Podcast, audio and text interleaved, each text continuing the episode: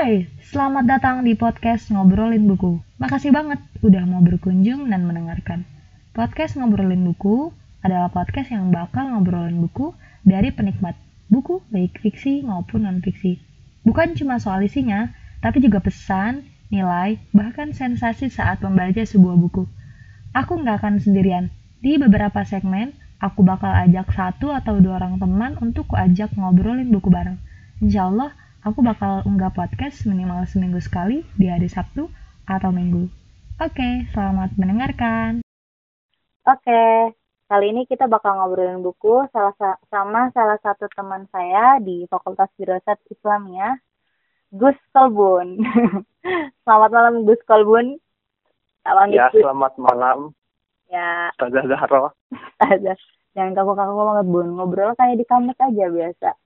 Oh iya, nah, ya kita ngobrol santai aja ya. Mm-mm, ngobrol santai aja. Jadi kali ini Kolbun bakal ngobrolin buku filsafat karya Pak Adian Husaini dan kawan-kawan.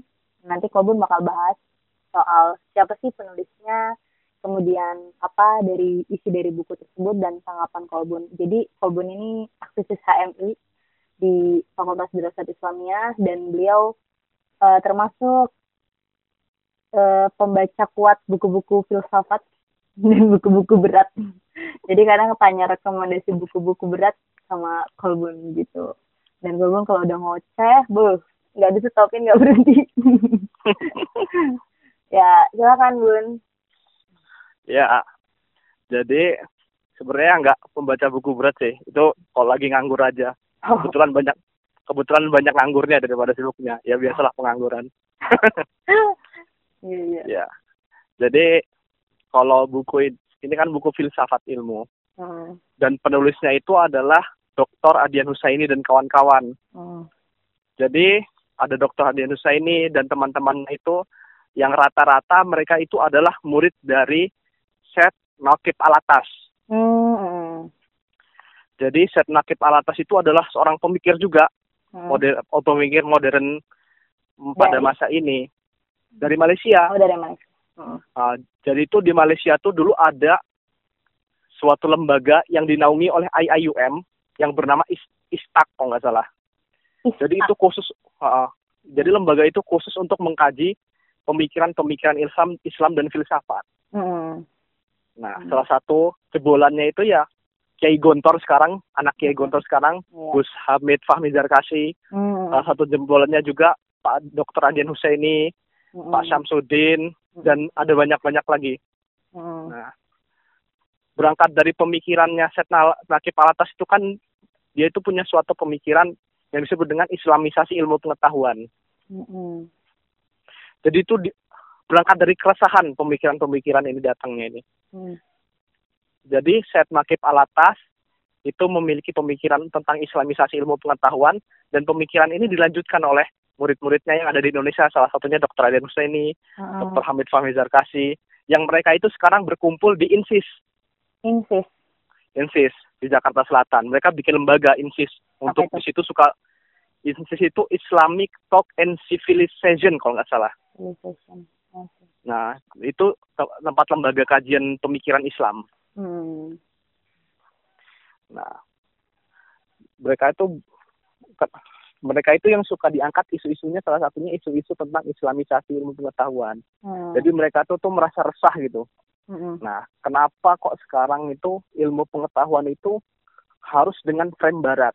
Hmm, iya, iya, iya. Kenapa harus dengan metodologi barat? Hmm. Kita menentukan salah benar hmm. terus dengan metodologi barat gitu. Hmm. Nah, makanya itu kan mereka terjadi keresahan di situ. Hmm metodologi ilmu pengetahuan, mm-hmm. sumber ilmu pengetahuan, pemikiran tentang ilmu pengetahuan itu harus sesuai dengan barat. Mm-hmm. Contohnya tentang jika mereka membahas tentang alam semesta. Mm-hmm. Kalau sesuai teorinya barat, mm-hmm. itu kan alam semesta itu terjadi karena ada Big Bang, ledakan mm-hmm. besar segala macam dan lain-lain kan. Mm-hmm. Padahal kalau kita mau teliti secara lanjut itu kan sangat paradigmatis. Mm-hmm. Dalam artian itu bukan hanya dalam pemikiran aja gitu, hmm. sangat paradigmatis, sangat subjektif hmm. pendapat-pendapat seperti itu kan. Hmm. Nah, jadi orang Barat itu menentukan benar salah dalam ilmu pengetahuan sesuai dengan paradigma mereka. Mm-mm. Nah, mereka nah Pak Set Nakib Al Atas dan Dr. Adian Hussein dan kawan-kawan itu resah dengan hal ini. Nah, itu. Makanya mereka akhirnya memunculkan pemikiran baru tentang Islamisasi ilmu pengetahuan. Hmm. Nah, ini ntar nyambung sampai buku filsafat ilmu itu. Mm-mm. Jadi setelah lulus dari Malaysia tadi, Dr. Adi Husaini ah, dan kawan-kawannya tadi membuat lembaga INSIS tadi. Nah, lalu mereka memunculkan karya-karya tulis, banyak karya tulisnya. Hmm. Kalau Fahmi, Fahmi itu memunculkan karya tulis yang namanya bukunya Mishkat. Mm-mm. Oh iya iya. Nah, Pak Adian Husaini ini dan kawan-kawan memunculkan buku filsafat ilmu dan masih banyak buku-buku lainnya. Mm-mm. Jadi pemikiran dasar mereka itu, Adian Husaini dan kawan-kawan itu adalah Gozalian. Mm-mm. Jadi saya takip alatas itu seorang Gozalian dia. Mm-mm. Kiblatnya pemikiran Imam Al Ghazali mereka semua itu. Nah, jadi dalam buku filsafat ilmu itu dijelaskan kan dalam filsafat ilmu kan membahas apa sih sumber-sumber ilmu pengetahuan itu, nah, gitu. Bagaimana metode berpikir yang ilmiah, bagaimana standar ilmi standar ilmiah itu, standar sesuatu itu bisa disebut ilmiah itu gimana? Kan itu yang dibahas di filsafat ilmu. Nah, Adian Husaini dan kawan-kawan itu dalam buku filsafat ilmunya itu, nah dia itu ingin membahas, ingin memberikan apa pandangan lah, pandangan mereka bagaimana seharusnya filsafat ilmu yang diketahui oleh orang Islam, Yang itu mereka menolak tesis-tesis dari filsafat ilmu ala orang Barat, nah Mm. gitu. Mm-mm. Kalau kita telisik ke apa namanya filsafat Barat, kan sumber kita bahas dalam filsafat ilmu itu kan kita membahas tentang sumber ilmu pengetahuan. Iya. Nah, dari sumber ilmu pengetahuan itu nanti kita bisa menentukan ini ini bisa layak disebut ilmiah atau tidak ilmiah. Mm. Nah, gitu. Kalau dari filsafat barat kan ilmi apa sumber ilmu pengetahuan itu kan kalau nggak logika, Mm-mm. akal ya, akal itu empiri, empiris, Oke. hal yang empiris. Empiris atau akal. Suatu itu bisa masuk akal, itu disebut ilmiah. Atau suatu itu empiris, bisa dilihat, dirasakan, Mm-mm. Nah, dan lain-lain itu ilmiah. Nah itu kalau kalau barat itu kan standarnya itu dua itu. Mm-mm. Nah dan itulah dasar-dasar itu standar empirisme dan akal tadi itu itu yang dijadikan standar untuk menjudge itu ilmiah atau tidak ilmiah. Mm-mm. Kalau orang Islam berpatokan seperti itu, berarti Quran itu nggak ilmiah dong, Mm. gitu. Hadis itu nggak ilmiah dong. Mm-mm. Ah, malaikat itu nggak ilmiah, nggak ada yang ilmiah dalam kita, dalam agama kita kalau kayak gitu. Kalau standarisasinya ah, akal sama. Hal-hal yang empirik Mm. gitu. Nah, maka dari situ Pak apa Pak Adian Husaini ingin dan kawan-kawannya tadi ada beberapa lah penulisnya.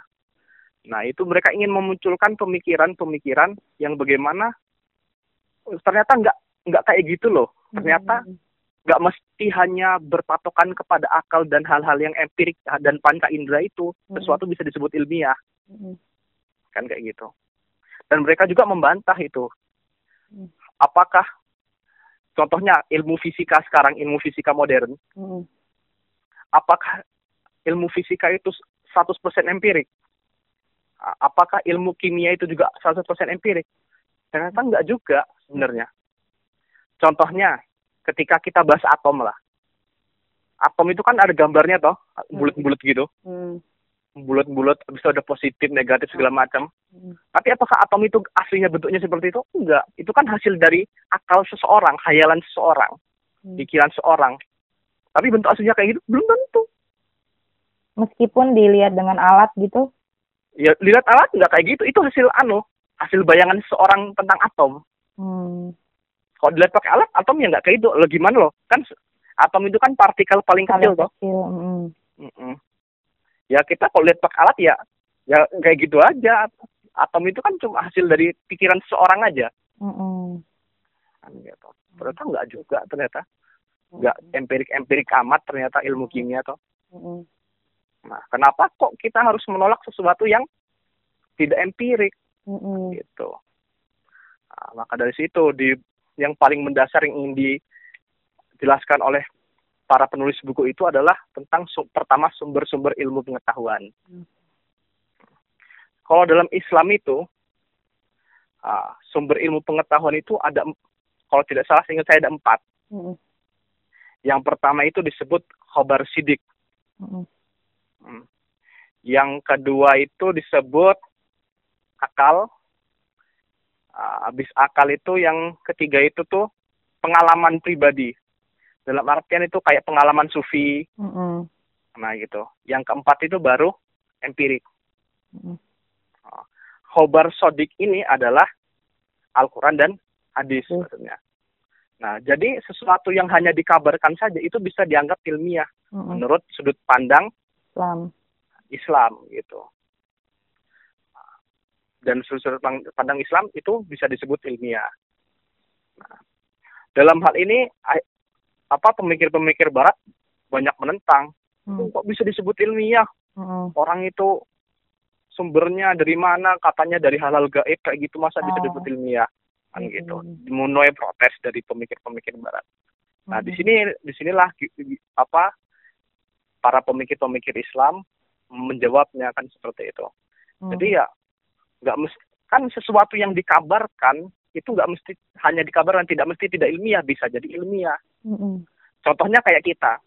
Kita percaya nggak kita tuh anak bapak kita? Iya percaya.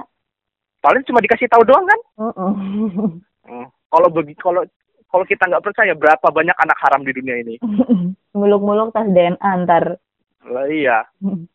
Kalau kita nggak usah tes DNA aja udah percaya toh. Mm-mm. Hmm, gitu. Jadi suatu kabar itu bisa dijadikan hal yang ilmiah asal valid. Iya iya. Kalau Al-Quran itu kan sangat valid ya, mutawatir terus. Perawi-perawinya kan mutawatir semua itu. Mm-mm.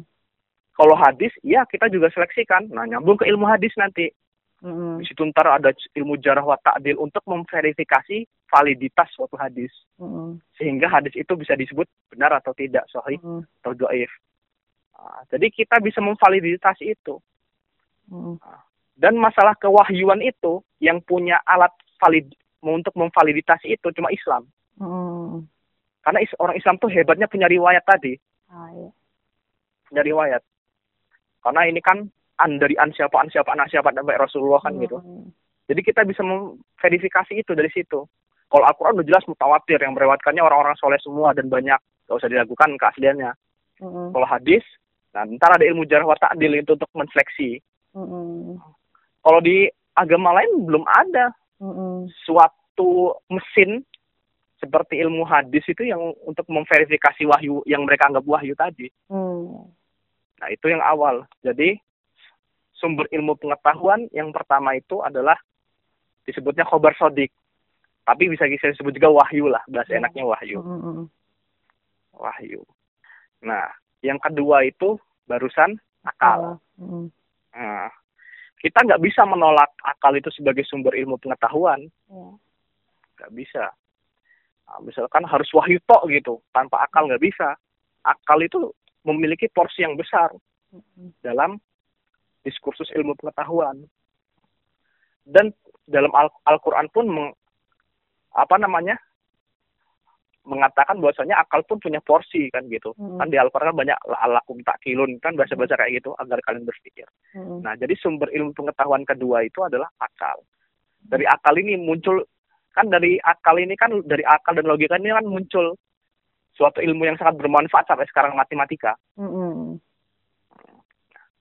Nah, dulu itu sempat di filsafat dulu itu di barat terjadi pergesekan antara kaum empirisme sama kaum rasionalisme. Mm-mm. Rasionalisme itu yang akal. Jadi kaum empi, apa namanya empirisme itu tetap kekeh. Pokoknya kalau nggak bisa dibuktikan dengan Hmm. panca indera Mm-mm. itu nggak nggak nggak ada nggak benar Mm-mm. nah kaum rasionalisme ini menjawab oh nggak bisa kayak gitulah sekarang gini satu tambah satu berapa hasilnya dua kamu bisa menyentuh satu tambah satu enggak kamu bisa Mm. merasakan satu tambah satu enggak tapi satu dan tambah satu itu kan akan berputar di otak kita toh Hmm. menghasilkan dua Mm. nah berarti kan rasionalisme itu ada Mm-mm. Uh, akal itu punya fungsi dalam standarisasi ilmiah tadi Mm-mm. Nah, makanya dari itu sumber ilmu pengetahuan itu wah, yang kita akui, ini diakui bersama ya. Iya. Itu adalah rasionalisme, rasional atau akal kan gitu. Hmm. Nah, yang ketiga ini sumber pengeta apa nama ilmu pengetahuan itu adalah pengalaman pribadi lah. Hmm. Ah, saya tuh lupa bahasa ilmiahnya itu apa. Oh. Tapi intinya dia tuh kayak pengalaman pribadi. Hmm. Jadi dia tuh ada pengalaman pribadi kayak pengalaman sufi. Nah, pengalaman sufi kita kan, nah tapi ini pengalaman sufi ini hanya bisa dirasakan oleh orang-orang yang merasakannya saja, iya. ya kan gitu. Karena seorang sufi itu kan ti- ketika dia merasakan sesuatu kan ya hanya dia yang bisa ngerasakan gitu. Hmm. Nggak untuk jamaah kan, nggak untuk jamaahan. Hmm. Mungkin misalkan saya memba apa namanya merasakan pengalaman ini, tapi Zahra belum tentu merasakan pengalaman ini. Hmm. Nah gitu. Padahal yang kita baca amalannya sama gitu kan. Hmm. Nah. Nah, ini kalau di teorinya si Al-Jabiri ini disebut dengan ah lupa saya itu ada tiga dia itu Al-Jabiri juga membahas tentang ini salah satunya tentang pengalaman pribadi tadi Hmm. jadi itu bisa dianggap sesuatu yang ilmiah benar adanya gitu Hmm. nggak bisa kita sangkal karena ada orang yang merasakannya Hmm. gitu Tapi contoh ilmu pengetahuan yang lahir dari pengalaman pribadi selain dari para sufi itu apa, Bun? Lah itu itu pengalaman para sufi itu kan ilmu-ilmu pengetahuan yang muncul sampai sekarang ilmu-ilmu tasawuf itu Hmm. Selain itu Ilmu- apa?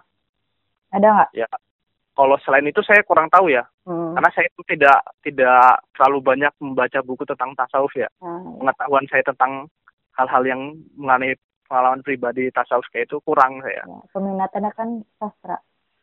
Mm.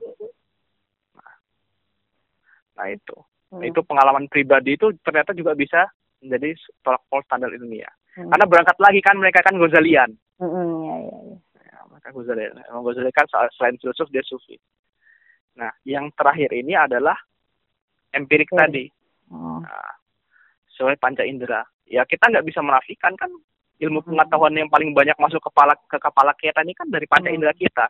Hmm. Kita merasakan, kita Hmm. apa namanya, terutama merasakan, melihat, mendengar.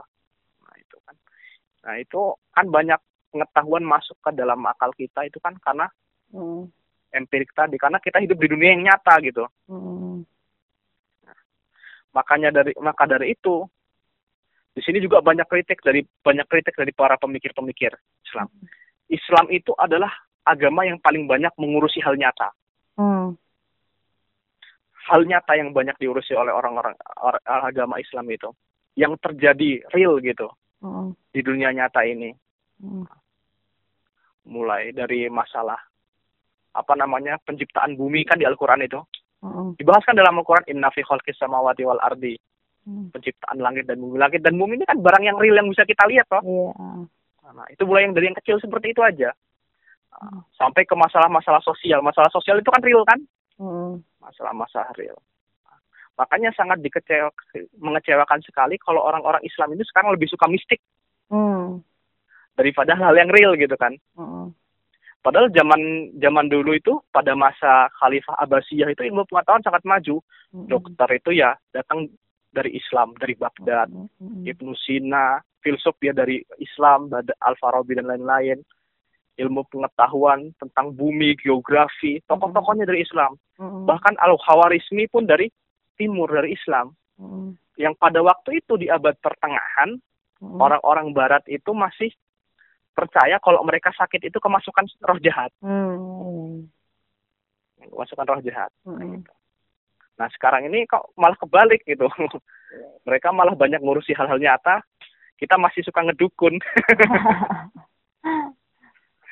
ya, tapi nggak apa-apa itu tantangan buat kita buat Iya. kembali gimana caranya menyadarkan tentang pentingnya ilmu pengetahuan tadi. Hmm. Pertama hal yang empirik ini sangat Hmm. penting ini walaupun ini su- sumber ilmu dalam tataran apa hierarkinya paling terakhir, Hmm. tapi ini yang paling sering kita temui Hmm. empirisme ini, Iya. yang paling kita rasakan kan kayak gitu. Hmm. Nah, nah ini adalah sumber-sumber ilmu pengetahuan yang ada dalam Islam yang diakui. Nah, ini buku ini nih sebenarnya isinya itu kalau dibaca ya itu isinya tes apa namanya antitesis terhadap pemikiran-pemikiran Barat. Oh iya. iya.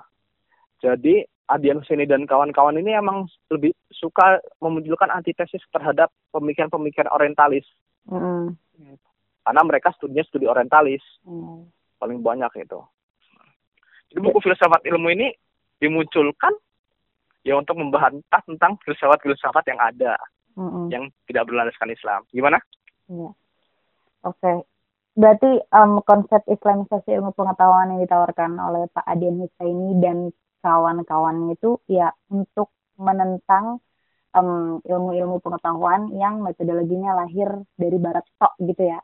Karena Iya. memang ya ya kita akuin sih Bun, sekarang metodologi yang dominan digunakan dalam penelitian kita di kampus juga memang masih dari barat. Padahal kita statusnya Islamic State University. Ya kan? Mm-mm. itu yang sebenarnya masih jadi minus kampus kita sih Bon sebenarnya sebenarnya nah kalau kayak misal aku pribadi pun ya di Birosat sebenarnya penelitian ini kan kuatnya kan di barat ya daripada di timur kan bahkan ya Iya. kalau di Mesir juga nggak ada skripsi jadi anak-anak Birosat juga soal penelitian ilmiah juga nggak terlalu ini loh Bon nggak terlalu di apa ya dikasih metodologi yang jelas gitu bahkan kita belajar itu cuma pas semester 7 dan itu juga nggak nggak terlalu Iya, struktur kan terkonsep Nah. iya benar. memang sih itu sebenarnya sudah lahir metodologi ilmu pengetahuan penelitian Hmm. itu sudah lahir dari beberapa pakar cuman memang praktiknya aja yang masih minim di kampus-kampus Islam gitu jadi Mm-mm. sekarang kita juga masih masih pakai metodologi barat dan masih pakai teori-teori yang berasal dari barat gitu. Karena memang ya itu pengalamannya mungkin mungkin minim dan kita banyak banget sebenarnya tokoh-tokoh eh, pemikir-pemikir Islam. Tapi ya pengenalan eh, teorinya ke ranah kampus ke ranah universitas juga masih minim. Ya itu Iya. jadi semacam ah, ya minusnya kampus Islam lah. Makanya sekularisasi ilmu pengetahuan juga masih sebenarnya tanpa sadar tanpa kita sadar kita juga masih ya masih me, apa ya mungkin masih melaksanakan ya kayaknya kita sok-sokan keren gitu ngerasa keren kalau kita baca buku barat Hmm. misal terus kita berpacu Ya. pada sumber referensi utamanya barat akhir-akhir Ya. ini lagi rame di Twitter ya kalau kamu main Twitter atau di Facebooknya Gus Ulil Bacanya tweetnya Gus Ulil ya. nah Yang iya sampai gitu kan. matahari Ah, matahari ah. terbit aja harus ngutip Ah, buku dari barat.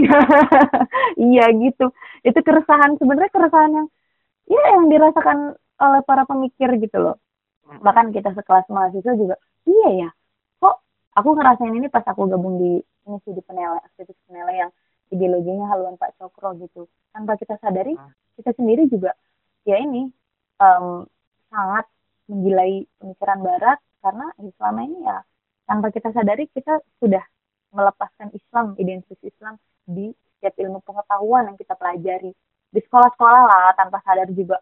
Misal sains ya kan sains. Kalau kalau misal kita lihat sejarah eh, sejak Renaissance yang abad keban- abad kebangkitan itu kan so- eh, sepertinya sekularisasi ilmu pengetahuan atau melepaskan agama dari ilmu pengetahuan itu munculnya Hmm. karena mereka alergi terhadap agama gitu loh Iya. ya ya kan ya itulah sampai Iya sekarang benar.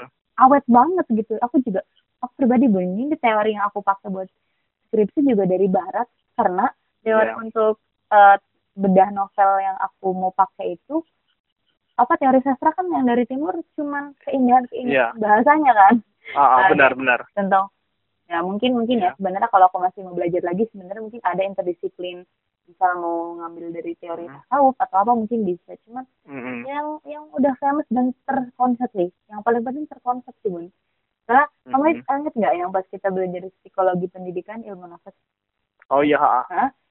Iya benar. teorinya teori barat semua Barat semua itu Ya. cuma diarapin aja bahasanya. iya iya nah aku sharing itu sama senior kenapa ya kok kita nggak pakai teorinya pedagogi Imam Ghazali misal ternyata beliau bilang ya sebenarnya sih em, karena teori yang dari barat itu sudah terkonsep dan tersusun tersistematis. Sedangkan pedagoginya Imam Ghazali mungkin belum tersistematis belum terkonsep. Jadi ya harusnya boleh dipakai tapi buat perbandingan. Itu yang masih sangat disayangkan. Aku baru sadar pas semester berapa oh iya ya. Di Dirasat Islamnya ada satu-satunya teori yang full dari barat gitu. Padahal biasanya Hmm. kita belajar sejarahnya dari dari Islam. Itu sih sebenarnya kalau nanti di saat kamu atau aku misalnya jadi akademisi ya memang harusnya kita membumikan uh, konsep Islamisasi ilmu pengetahuan harusnya gitu dan Iya. prakteknya gitu. Ya, makanya itu kan yang sangat disayangkan ini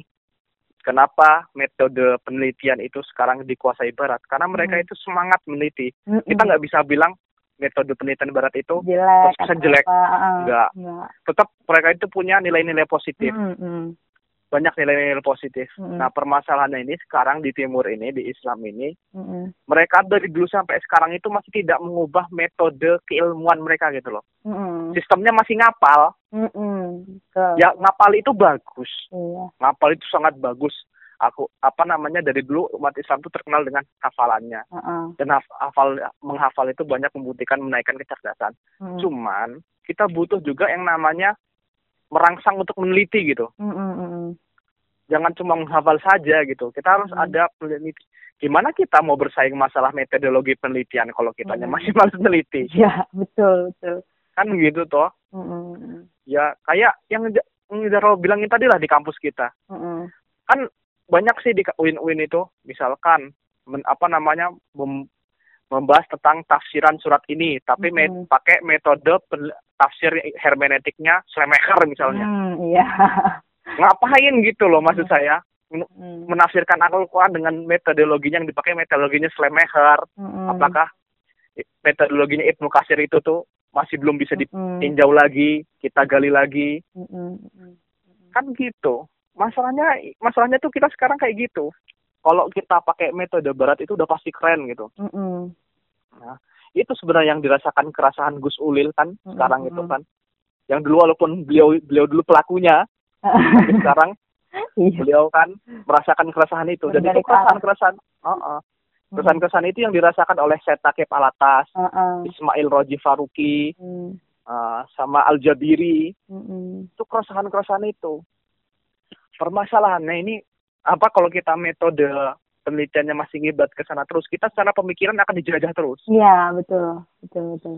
secara pemikirannya kita akan terus dijajah dijajah dijajah mau menentukan apa ini harus menurut standarisasi barat Hmm. standarisasi barat Mm-mm. contohnya masalah metodologi ilmu metodologi penelitian Mm-mm. apa namanya menurut barat Mm-mm. penelitian itu tuh harus objektif kan ya Iya. jadi hasil penelitian itu tuh objektif karena ilmu Ya. pengetahuan itu objektif Mm-mm. tapi kalau menurut saya enggak enggak ada yang objektif itu Mm-mm. Karena, Karena kalau mereka itu- pertentangan juga kan di antara Uh, uh. peneliti.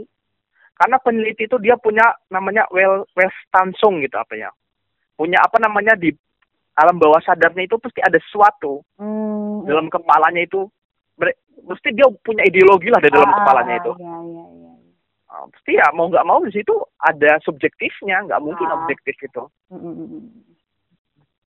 Misal misalkan ilmu pengetahuan alam yang ada di sekarang yang kita pelajari di dunia ini adalah ilmu pengetahuan alam yang objektif.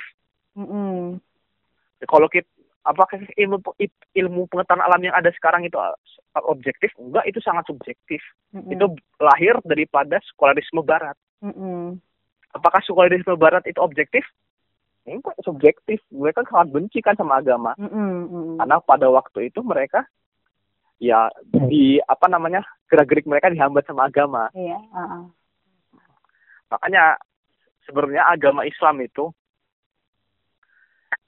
sebenarnya kita kok orang Islam itu nggak punya trauma gitu Mm-mm. trauma beragama gitu nggak kita Mm-mm. nggak kayak orang Kristen itu kan mereka kan dulu kan di abad pertengahan tuh mereka punya traumatik orang Mm-mm. Eropa tuh traumatik agama Mm-mm. siapa yang menentang perintah gereja di namanya ada majelis khusus namanya inkusisi Mm-mm. inkusisi itu yang menolak ideologi gereja disiksa dibunuh tapi disiksa dulu Mm. akhirnya kan mereka berontak setelah itu Mm. muncullah namanya abad pencerahan Mm. Di situlah mereka mulai menentang ideologi gereja. Gereja disingkirkan nggak boleh masuk ke ruang publik. Ilmu pengetahuan harus bebas dari agama. Mm. karena agama itu pada waktu itu emang menyiksa bener yang menyiksa. Mm. nah ini yang saya takutkan sekarang juga ini ini. Umat Islam ini mulai ada muncul-muncul kayak gitu. Kelompok-kelompok yang dikit-dikit mengekang. Iya, iya, iya. tapi jumlahnya sedikit. Mm-mm. tapi yang sedikit itu kadang-kadang terasa banyak. Iya, karena mereka eksis. iya tapi soal traumatik di kalangan umat muslim sebenarnya terjadi terjadi juga bon terutama juga Hmm. di era-era ya setelah uh, Umayyah- Umayyah II gitu yang kemudian membentuk kerajaan dinasti-dinasti kecil dan juga kan lahirnya madhab-madhab atau teologi-teologi dari beberapa madhab juga kan memang lahirnya dari apa ya di zaman-zaman khilafah yang sebenarnya juga ada kepentingan politik di dalamnya jadi Nah, iya. Islam juga sebenarnya mengalami traumatik sih bun cuman memang apa ya mungkin nggak ada istilah ya untuk kalau Kristen ada Renaissance ya kan setelah Hmm. akhirnya muncul Protestan ya kalau istilah di kita mungkin ya setelah berakhirnya khilafah di Turki mungkin ya mungkin baru kemungkinan gitu Iya. gitu sih. Jadi sebenarnya Islam itu juga punya traumatik masalah kayak gitu. Cuman Iya. mereka lebih ke politik iya traumatiknya. sih betul hmm, Ke politik. Jadi iya. masa Umayyah, Abbasiyah, itu ya mereka memang punya traumatik-traumatik. Tapi Mm-mm. ilmu pengetahuan maju. Mm-mm. Para pemimpin-pemimpin itu hanya Iya. diktator masalah politik. iya Masalah pemikiran terserah. iya uh, uh, uh. Mereka terserah kamu mau mazhabnya apa ada mazhab. Mm, mm, Kecuali waktu sempat dipegang sama Mu'tazilah sebentar semua harus Mu'tazilah kan. iya iya Mu'tazilah itu malah yang diktator. iya. Mereka menggaungkan kebebasan berpikir, berpikir tapi mereka diktator. tapi iya kayak, kontradiksi gitu Heeh. Mm, Malah- tapi mereka malah diktator kan kayak gitu. mm. Iya sih. tapi memang eh, di zaman dinasti-dinasti kecil juga memang iya sih benar para pe- eh, pemimpin ini juga sangat memberikan perhatian yang lebih terhadap ilmuwan gitu Hmm. jadi memang dulu ilmu-ilmu di yang lahir dari pemimpin Islam dulu banyak banget gitu Iya. sekarang itu sih apa ya sayangnya mungkin mungkin karena memang ya Barat yang saat ini mendominasi. Jadi sebenarnya kita bukan membahas ingin anti Barat enggak juga sih enggak Iya. tapi kita sebagai Muslim ya punya identitas gitu kan. Mm-mm. punya ideologi sendiri gitu. Ya aku juga nggak menyayangkan orang-orang yang dibelajar di Barat ya enggak juga sih. Cuman ya sampai sekarang juga masih pikir duh beasiswa di timur kok kayaknya jarang banget ya. Kebanyakan di barat emang ilmu pengetahuan kebanyakan Hmm. kayak itu ya. Iya benar. prioritasnya di barat Sebenarnya tuh belajar di barat tuh bagus gitu. Saya juga Iya. punya cita-cita gitu belajar di barat. Ba- supaya kita tuh tahu metode penelitian mereka gitu. Kita pakai metode penelitian mereka, tapi cara mereka, semangat mereka, tapi prinsipnya prinsip-prinsip kita gitu loh. Prinsip dasarnya prinsip-prinsip kita gitu. ya kita memegang teguh nilai yang ada di dalam. Islam lah. Ya, Sebenarnya kan tradisi-tradisi belajar pengetahuan yang seperti sekarang ini kan mm, mm, sebenarnya ada, masih Mm-mm. ada mm, mm. tradisi pewarisan ilmu sampai sekarang itu. Ah. Tapi bentuknya kan masih konvensional kita. oh iya iya betul Dilanjutkan para ustadz, para kiai. Ya bagus itu. Itu sangat penting untuk kita itu. Lanjutkan tradisi-tradisi keilmuan kayak gitu. Mm, Karena emang pada dasarnya mm, mm, tradisi keilmuan kita tuh kayak gitu. Menghafal, pewarisan sanat. mm, mm. Kamu gurunya siapa, gurunya siapa, guru siapa. Supaya ilmu kita tuh tervaliditasi. Mm, mm. Ah. Nah, cuman kita mungkin ada inovasi-inovasi lagi yang baru. Mm, Mulai ada apa namanya penelitian-penelitian yang perlu diekspos oleh kita. ah, betul Masuk misalkan penelitian tentang apa namanya Al-Qur'an dan sains. Misalkan Ah, oke. Tafsir, tafsir ilmi kan udah muncul kan banyak sekarang tafsir ilmi, tafsir ilmi. Kem- Kemenak juga sekarang sudah mulai memunculkan tafsir ilmi, tafsir ilmi itu. Oh, itu udah mulai udah langkah yang sangat bagus itu Kemenak itu. Jadi membahas uh, apa namanya Islam dan ilmu pengetahuan dan sains, Islam dan sosial, Ah, Islam dan politik. Sekarang udah mulai banyak kayak gitu. sih. Nah, cuman tolak ukurnya mereka kadang-kadang metodologinya masih barat banget gitu kan. Cuman nggak apa-apa itu sudah mulai langkah yang Hmm. bagus. Ya ada modifikasi lah. Ada modifikasi itu. Untuk yang generasi-generasi penerus kita ini yang semoga nggak males neliti kan gitu. Amin dan penelitian juga nggak murah bun. Iya, biaya penelitian itu juga nggak murah emang. Iya. Nah, itu permasalahannya. Kadang kita punya semangat tapi kita nggak punya duitnya. Iya. Nggak ada akses ke situnya. Emang karena Ah, ah. penelitian juga nggak murah gitu. Sekarang tuh yang malah penelitiannya agak bagus tuh malah sekarang banyak Malaysia tuh. Mm-mm. Malaysia lumayan bagus. Iya. Malaysia tuh penelitiannya bagus. Ah, Kalau Indonesia ini bagusnya tuh modalnya modal bahasa Arab sama Ah, sumber-sumber ilmu pengetahuan kitabnya pintar. iya Tapi kalau untuk mau ekspos untuk peneliti Malaysia malah lebih bagus loh. Heeh. Padahal kok masalah sumber kita lebih karena menguasai kita banyak. iya modalnya ada lah gitu harusnya kan Iya. lebih nah, kadang-kadang tuh kita tuh ngerasa ins- insecure gitu loh. Iya. iya betul Ngerasa gini loh, misalkan gini. Mm-mm. uh, misalkan di pondok pesantren aja contohnya. Mm-mm. Kamu di pondok ini belajar kitabnya apa? Oh, kitabnya ini iya. ini ini masih kitab-kitab dulu. Kenapa nggak mau bikin bikin kitab sendiri? Yo kalau bikin kitab sendiri nggak mungkin lah bisa lebih bagus daripada kitab-kitab ulama terdahulu. Hmm, Di sisi lain sih mungkin iya. iya. Cuman kan di sisi lain tuh kok ya kita mencukupkan diri gitu. Oh, kan bisa ya, saja kita- lagi. Eksplor lagi bikin kitab sendiri pondok pesantren itu kan gitu. Hmm, iya, iya. Memang Oh, harus itu ini ada iya. tugas akhir juga, ya kayak di Madaris lah misal ada tugas akhirnya berupa penelitian misal kayak gitu. Kayak Kiai Haji Mustafa Bisri itu kan punya Iya. buku tafsir sendiri. Ya Libris. Ah, ayahnya juga punya kitab Mm-mm. Punya kitab sendiri Al Ibris kok Kiai Mustafa itu Ubairis apa Oh, ya Bairis. Oh iya Ah. iya. itu tuh udah sangat bagus sekali gitu Iya. emang kan bikin kitab tafsir kan secara nggak langsung kita meneliti toh Iya, ah betul betul. Iya. kayak gon eh, kayak gontor tuh Mm-mm. gontor itu buku yang dibelajar itu buku buatan kiainya semua itu Mm-mm. dari fikih akidah semuanya Ah iya iya. itu bagus itu tafsir Mm. Emang beberapa yang memang sih nggak semua kiai mau pesantren punya karya tulis memang. ya itulah mungkin buat eksplor kan gitu Oke, ini menarik banget sih soal konsep Islamisasi Iya. pengetahuan gitu. Sebenarnya aku juga Hmm. sudah mengenal ini ya dari karya-karyanya Pak Cokro sih sebenarnya dia kan dari kalangan em, apa namanya bangsawan juga dan juga eh, Hmm. kalangan priai. oh Pak Cok- Pak Cokro Pak Cokro Aminoto iya. oh iya itu wah Iya. bagus kok dia itu makanya kan bukan cuma dari kalangan eh, anak apa keturunan pesantren kiai tapi juga dari priai dari kalangan bangsawan gitu kan jarang kan Em benernya jadi hmm?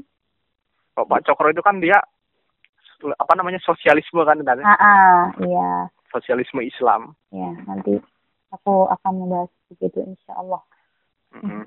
nah itu agak bingungnya itu pas baca Islam sosialisme itu emang karena belum baca teorinya Karl Marx jadi agak bingung gitu Hmm, iya. Oke. Ya, gitu aja, Bun.